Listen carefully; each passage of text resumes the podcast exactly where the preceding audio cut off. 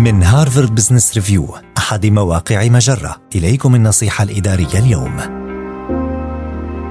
وظف أصحاب المواهب غير التقليدية. عند الحديث عن تعيين موظفين جدد، نلاحظ أن الكثير من المدراء يتمسكون بفكرة أن هناك نوعاً واحداً مثالياً من المرشحين للوظيفة المطلوب شغلها، ولكن إذا كنت ترغب في بناء فريق متنوع، ينصح بأن تتبع الاستراتيجيات الآتية لجعل عملية التوظيف أكثر شمولاً. ساعد المرشحين غير التقليديين على تصور أنفسهم في شركتك.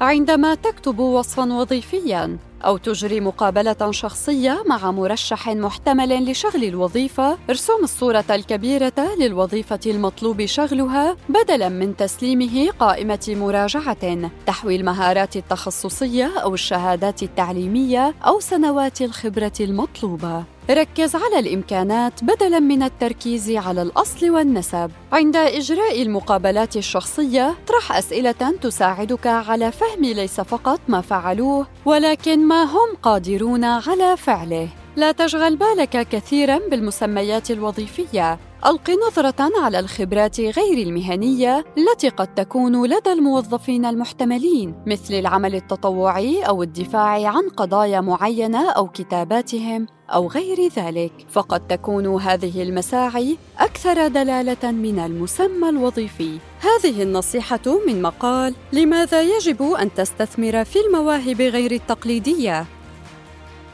النصيحة الإدارية تأتيكم من هارفارد بزنس ريفيو أحد مواقع مجرة مصدرك الأول لأفضل محتوى عربي على الإنترنت.